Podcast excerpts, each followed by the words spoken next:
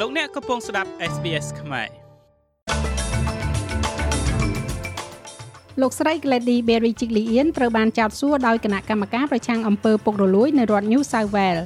លោកនាយករដ្ឋមន្ត្រី Scott Morrison កំពុងធ្វើដំណើរទៅចូលរួមកិច្ចប្រជុំ G20 ស្ដីពីការគ្រប់គ្រងអាកាសធាតុនិងជំងឺរាតត្បាតជាង1ភាគ3នៃករណីឆ្លង COVID-19 ក្នុងរដ្ឋ Victoria មានអាយុក្រោម20ឆ្នាំ។ លោកស្រី Glady Berejiklian បានការពារទំនាក់ទំនងសម្ងាត់របស់លោកស្រីជាមួយនឹងអតីតសមាជិកសភាដែលធ្វើឲ្យលោកស្រីអាម៉ាស់មុខដោយបដិសេធថាលោកមិនបានទទួលនៅការកិត្តគូជាពិសេសនោះទេសាវនាការស៊ើបអង្កេតអំពើពុករលួយបានស្ដាប់ឮការហៅទូរស័ព្ទឆ្លើយឆ្លងមួយចំនួនរវាងអតីតអភិបាលរដ្ឋ New South Wales រូបនេះជាមួយនឹងលោក Darryl McQuay មានម្ដងនោះគេបានស្ដាប់ឮលោកស្រីកំពុងតែប្រាប់លោកម៉ាខ្វាយថាលោកស្រីបានយកឲ្យលោកនៅកញ្ចប់ថវិកា170លានដុល្លារក្នុងពេល5នាទីសម្រាប់មន្ទីរពេទ្យនៅក្នុងមណ្ឌលរបស់លោកដោយបង្ហាញខ្លួននៅចំពោះមុខគណៈកម្មការឯករាជ្យប្រឆាំងទៅនឹងការស៊ើបអង្កេតអំពើពុករលួយដែលបង្ខំឲ្យលោកស្រីលាលែងចេញពីតំណែងជាអភិបាលរដ្ឋនោះលោកស្រី Berry Chiglian បានប្រាប់ជំនួយការទីប្រឹក្សាលោក Scott Robertson ថាលោកម៉ាខ្វាយមិនមានសិទ្ធិពិសេសចំពោះការងារលោកស្រីទេទោះបីជាពួកគេមានទំនាក់ទំនងជាមួយគ្នាក៏ដោយ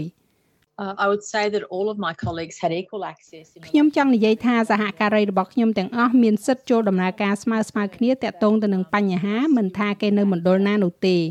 គ្មានអ្វីត្រូវងឿងឆ្ងល់នោះទេលោក Robinson ខ្ញុំមានការព្រួយបារម្ភថា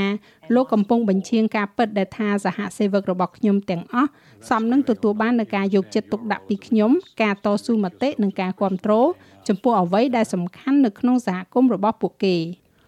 លោកម៉ាខ្វាយបានផ្ញើសារទៅកាន់លោកស្រី Glady Berejiklian នៅក្នុងខែឧសភាឆ្នាំ2018អំពីការលំបាកនៅក្នុងការទទួលបាននូវមូលនិធិសម្រាប់គម្រោងជាច្រើនរួមទាំងមន្ទីរពេទ្យ Vaga Vaga និង Tumut ផងដែរ លោកស្រី Berry Chiglian បានប្រាប់ ICAC ថាលោកស្រីនឹកមិនឃើញថាលោកស្រីបានធ្វើអន្តរាគមនៅក្នុងគម្រោងទាំងនេះនោះទេបន្ទាប់មកលោក Robertson បានចាក់សម្លេងហៅទូរស័ព្ទដែលលោកស្រី Berry Chiglian បាននិយាយថាខ្ញុំនឹងដោះស្រាយវាខ្ញុំនឹងជួសជុលវា លោកនាយករដ្ឋមន្ត្រី Scott Morrison កំពុងតែធ្វើដំណើរទៅកាន់ទ្វីបអឺរ៉ុបដើម្បីជួបជាមួយនឹងមេដឹកនាំ G20 ផ្សេងទៀតដោយរបៀបវិរៈកម្ពុជានិងស្ដីអំពីការគ្រប់គ្រងអាកាសធាតុនិងជំងឺរាតត្បាតបណ្ដាមេដឹកនាំ G20 នឹងជួបមុខគ្នាដោយផ្ទាល់ជាលើកទី1នៅក្នុងកិច្ចប្រជុំកម្ពុជារបស់ពួកគេគិតចាប់តាំងពីជំងឺរាតត្បាតនេះបានចាប់ផ្ដើមមក។ ទីក្រុងរ៉ូមគឺជាកន្លែងឈប់សម្រាករបស់លោក Morrison ដែលនឹងត្រូវធ្វើដំណើរបន្តទៅកាន់ទីក្រុង Glasgow សម្រាប់កិច្ចប្រជុំកំពូលអាកាសធាតុ COP26 ជាមួយនឹងការបដិញ្ញាចិត្តចំពោះការកាត់បន្ថយការបំភាយឧស្ម័ន Net Zero នៅឆ្នាំ2050នៅប្រទេសអូស្ត្រាលីកិច្ចប្រជុំកំពូល Boost Summit 2021កំពុងប្រព្រឹត្តទៅ ដែលជាវេទិកានៃគំនិតនិងការពិភាក្សា តាក់ទងទៅនឹងសហគមន៍ក្នុងតំបន់ជនបទនិងតំបន់ដាច់ស្រយាលនៅក្នុងសេចក្តីថ្លែងសន្ទរកថារយៈពេល15នាទីដែលបានថតទុកជាស្រេចនៅមុនពេលដែលលោកចាក់ចេញទៅអឺរ៉ុបនោះលោក Morrison បានធានាដល់កសិករថាពួកគេនឹងមិនត្រូវបានបង្ខំឲ្យផ្លាស់ប្ដូររបៀបដែលពួកគេគ្រប់គ្រងដីនៅក្រោមផែនការកាត់បន្ថយការបំភាយឧស្ម័នរបស់រដ្ឋាភិបាលសហព័ន្ធនោះទេ លោកក៏និយាយផងដែរថាបកចម្រុះនឹងផ្ដល់ការលើកទឹកចិត្តដល់កសិករនៅលើផ្លូវឆ្ពោះទៅកាន់ Net Zero នៅឆ្នាំ2050នេះ We had your back during the drought យើងមានការគ្រប់គ្រងរបស់អ្នកក្នុងអំឡុងពេលគ្រោះរាំងស្ងួតយើងមានការគ្រប់គ្រងរបស់អ្នកនៅពេលអ្នកប្រឈមមុខនឹងភ្លើងឆេះនិងទឹកជំនន់និងគ្រោះមហន្តរាយជាច្រើនក្នុងពេលប្រមាណឆ្នាំថ្មីថ្មីនេះហើយយើងនឹងមានការគ្រប់គ្រងរបស់អ្នកនៅពេលពិភពលោកផ្លាស់ប្ដូរទៅរកសេដ្ឋកិច្ចធម្មពលថ្មី ដោយដែលអ្នកដឹងហើយថាខ្ញុំនៅតាមផ្លូវទៅកាន់ទីក្រុង Glasgow ជាកន្លែងដែលខ្ញុំនឹងចែករំលែកផ្លូវដើររបស់ប្រទេសអូស្ត្រាលីទៅកាន់អនាគតនៃការបំភាយឧស្ម័នទាបខ្ញុំចង់ថ្លែងអំណរគុណដល់សហព័ន្ធកសិករជាតិនិងស្ថាប័នឧស្សាហកម្មកម្ពុជាកម្ពុជាសម្រាប់ការដឹកនាំរបស់ពួកគេក្នុងការគ្រប់គ្រងការកាត់បន្ថយកាបូននៅក្នុងវិស័យនេះ។ វាគ្មិនផ្សេងទៀតនៅក្នុងកិច្ចប្រជុំកំពូលនេះរួមមានលោកឧបនាយករដ្ឋមន្ត្រី Barnaby Joy មេដឹកនាំបកប្រឆាំងលោក Anthony Albanese លោក Tony Abbott លោក Dominic Perrottet លោក Chris Minns លោក Stuart Ayres និងមេដឹកនាំជនជាតិដើមភាគតិច Warren Mundine រដ្ឋមន្ត្រីក្រសួងសុខាភិបាលសហព័ន្ធលោក Greg Hunt បានប្រកាសពីកម្មវិធីនៃការគ្រប់គ្រងបន្ថែមសម្រាប់ការថែទាំតាមសហគមន៍ ចំពោះអ្នកជំងឺដែលមាន COVID វិជ្ជមានក្នុងអំឡុងពេលរោគរាតត្បាតនេះវិធានការទាំងនេះរួមមានការប្រើប្រាស់ការប្រឹក្សាសុខភាពតាមទូរស័ព្ទសេវាជំនួយសុខភាពតាមទូរស័ព្ទនិងការប្រើប្រាស់ឧបករណ៍នៅក្នុងផ្ទះដែលនឹងជួយដំណឹងដល់គ្រូពេទ្យនៅពេលដែលអ្នកជំងឺត្រូវទៅសម្រាប់ព្យាបាលនៅមន្ទីរពេទ្យ លោករដ្ឋមន្ត្រីបានកោតសរសើរចំពោះការងារដែលវិជ្ជបណ្ឌិតពិនិត្យជំងឺទូទៅនៅក្នុងសហគមន៍បានអនុវត្តរួចហើយដោយលើកឡើងថាអ្នកខ្លះបានចាប់ផ្ដើមចាក់វ៉ាក់សាំងដូសជំរុញហើយនៅរដ្ឋ Victoria បានកត់ត្រានៅករណីឆ្លងថ្មីនៃ COVID-19 ក្នុងស្រុកចំនួន1656ករណីដែលបានមកពីការធ្វើតេស្តចំនួន70000តេស្តនិងស្លាប់ចំនួន10នាក់ខណៈដែលរដ្ឋនេះត្រៀមបន្ធូរបន្ថយការរឹតបន្តឹងបន្ថែមទៀត។ ចំនួនសរុបនៃករណីសកម្មនៅក្នុងរដ្ឋនេះមានចំនួន23,730ករណីហើយចំនួនអ្នកស្លាប់ពីការផ្ទុះឡើងចុងក្រោយបំផុតនេះគឺមានចំនួន282អ្នកហើយជាង1ភាគ3នៃករណីដែលបានរាយការណ៍រកឃើញចំពោះអ្នកដែលមានអាយុក្រោម20ឆ្នាំការបិទព្រំដែនរវាងទីក្រុងមែលប៊ននិងតំបន់ជនបទនឹងបញ្ចប់នៅម៉ោង6ល្ងាចនេះ ម៉ាស់មុខនឹងលេងចាំបាច់ត្រូវពាក់នៅទីខាងក្រៅអាគារទៀតហើយកន្លែងកំសាន្តខាងក្នុងអាគារកន្លែងហាត់ប្រាណនិងអាជីវកម្មលក់រាយអាចបើកដំណើរការឡើងវិញបានសម្រាប់អ្នកដែលបានចាក់វ៉ាក់សាំងពេញលេញហើយនិងបង្កើនលទ្ធភាពទទួលភ្ញៀវសម្រាប់ភោជនីយដ្ឋាន ផាប់ និងហាងកាហ្វេប្រធានមន្ត្រីសុខាភិបាលលោកសាស្ត្រាចារ្យ Brett Sutton បានចេញនៅសារនេះទៅកាន់អ្នកស្រុកនៅទូទាំងរដ្ឋ Many of us have waited a long long time for ពួកយើងជាច្រើនបានទន្ទឹងរង់ចាំជាយូរណាស់មកហើយសម្រាប់រឿងជាច្រើនដែលពួកយើងនឹងអាចធ្វើបានការធ្វើដំណើរទៅកាន់តំបន់ជនបទនៃរដ្ឋ Victoria ការជួបជុំក្រុមគ្រួសារ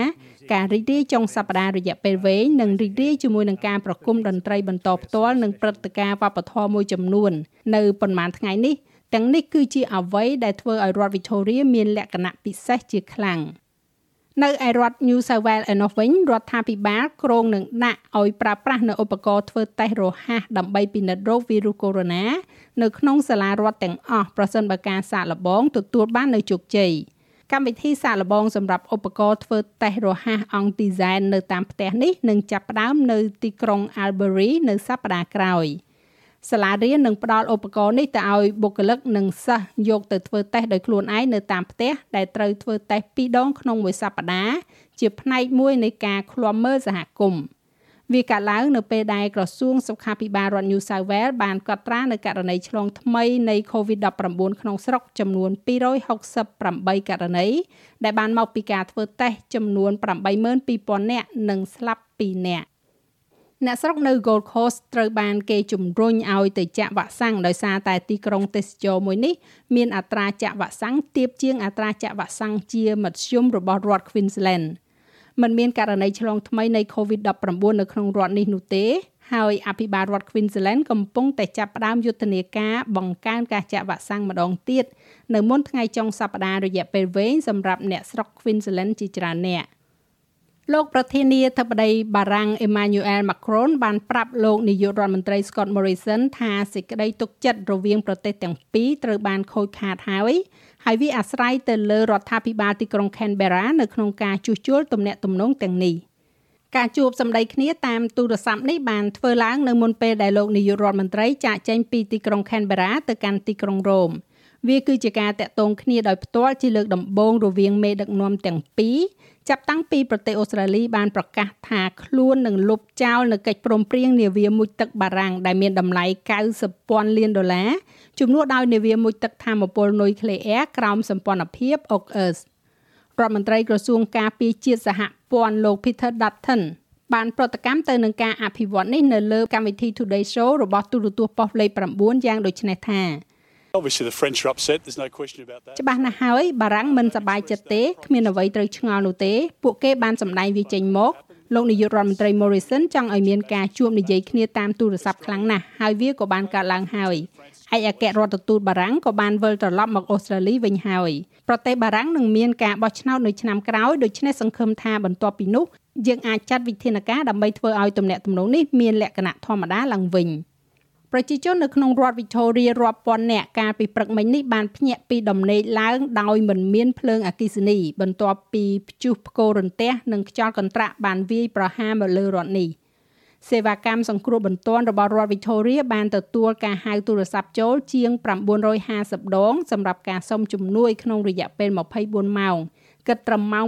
7:30នាទីព្រឹកថ្ងៃសុក្រនេះ តំបន់ដែលរងផលប៉ះពាល់ខ្លាំងបំផុតរួមមាន Ballarat, Bendigo និងតំបន់ជីក្រុងភាគខាងកើតនៃទីក្រុង Melbourne មានរបាយការណ៍មកថាមានដើមឈើដួលរលំចំនួន743ដើមនិងខូចខាតអគារអស់149ខ្នងគេរំពឹងថាតួលេខទាំងនេះនឹងកើនឡើងបន្ថែមទៀតនៅពេញមួយថ្ងៃនេះខណៈដែលក្រុមគ្រួសារជាង1សែនគ្រួសារកំពុងតែគ្មានភ្លើងអគ្គិសនីប្រើប្រាស់ នៅឯប្រទេសកម្ពុជាវិញក្រសួងអប់រំបានចេញនៅលិខិតបដិសេធចំពោះលិខិតคล้ายៗដែលចេញផ្សាយថាឆ្នាំនេះក្រសួងអប់រំអនុញ្ញាតឲ្យជាប់ជាស្ថាពរដោយមិនចាំបាច់ប្រឡងឌីប្លូមនិងការប្រឡងបាក់ឌុបនោះទេក្រសួងបានអះអាងថាវាមិនមែនជាការពិតហើយបានកំណត់យកថ្ងៃទី15ខែវិច្ឆិកាជាថ្ងៃប្រឡងឌីប្លូមហើយនៅថ្ងៃទី6ខែធ្នូគឺជាថ្ងៃដែលត្រូវប្រឡងបាក់ឌុប កាលពីថ្ងៃទី21ខែតុលារដ្ឋាភិបាលកម្ពុជាបានសម្រេចឲ្យបើកដំណើរការសាលារៀនឡើងវិញនៅគ្រប់កម្រិតដោយត្រូវគោរពតាមគោលការណ៍ SOP និងកំណត់ចំនួនសិស្សនៅក្នុងថ្នាក់រៀនត្រឹមតែ15ទៅ20នាក់ប៉ុណ្ណោះចាស់ឲ្យលោកមេងផល្លានឹងជួនសេចក្តីរាយការណ៍លម្អិតនៅវគ្គក្រោយជាបន្តទៀតឬលោកអ្នកអាចបើកស្ដាប់របាយការណ៍ពេញនៅលើគេហទំព័រ sbs.com.au/ ខ្មែរ ក្រុមកីឡាបាល់ទាត់អូស្ត្រាលី Socceroo នឹងលេងនៅក្នុងការប្រកួតដំបូងរបស់ពួកគេនៅលើទឹកដីរបស់ខ្លួនឯងផ្ទាល់ក្នុងរយៈពេលជាង2ឆ្នាំមកនេះការប្រកួតជម្រុះ World Cup ដ៏សំខាន់មួយនៅខែវិច្ឆិកាជាមួយនឹងក្រុមអារ៉ាប៊ីសាអូឌីនឹងត្រូវប្រកួតនៅទីក្រុង Sydney អង្គភាព Football Australia បានបញ្ជាក់ថាការប្រកួតជាមួយនឹងក្រុមអារ៉ាប៊ីសាអូឌីនេះនឹងធ្វើឡើងនៅថ្ងៃទី11ខែវិច្ឆិកានៅកីឡាដ្ឋាន CommBank Stadium ។ ចំណែកឯអត្រាប្តូរប្រាក់វិញនៅថ្ងៃនេះ1ដុល្លារអូស្ត្រាលីមានតម្លៃប្រមាណជា75សេន3ប្រាក់ដុល្លារអាមេរិកត្រូវនឹង3060រៀលប្រាក់រៀលខ្មែរ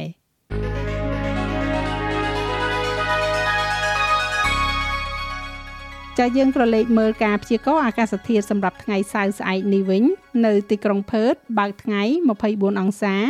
មានពពកនៅអាដាលេដ18អង្សា រលឹមបន្តិចបន្តួចនៅ Melbourne 17អង្សា អាចនឹងមានរលឹមនៅ Hobart 15អង្សា មានពពកដោយពេលនៅ Canberra 18អង្សាដូចគ្នាដែរនៅ Sydney 20អង្សា Brisbane រលឹមអាចនឹងមានព្យុះ33អង្សា Cairns ភាគច្រើនបើកថ្ងៃ33អង្សា នៅ Darwin មានពពកដោយពេល35អង្សា និងនៅទីក្រុងភ្នំពេញមានផ្គររន្ទះ32អង្សា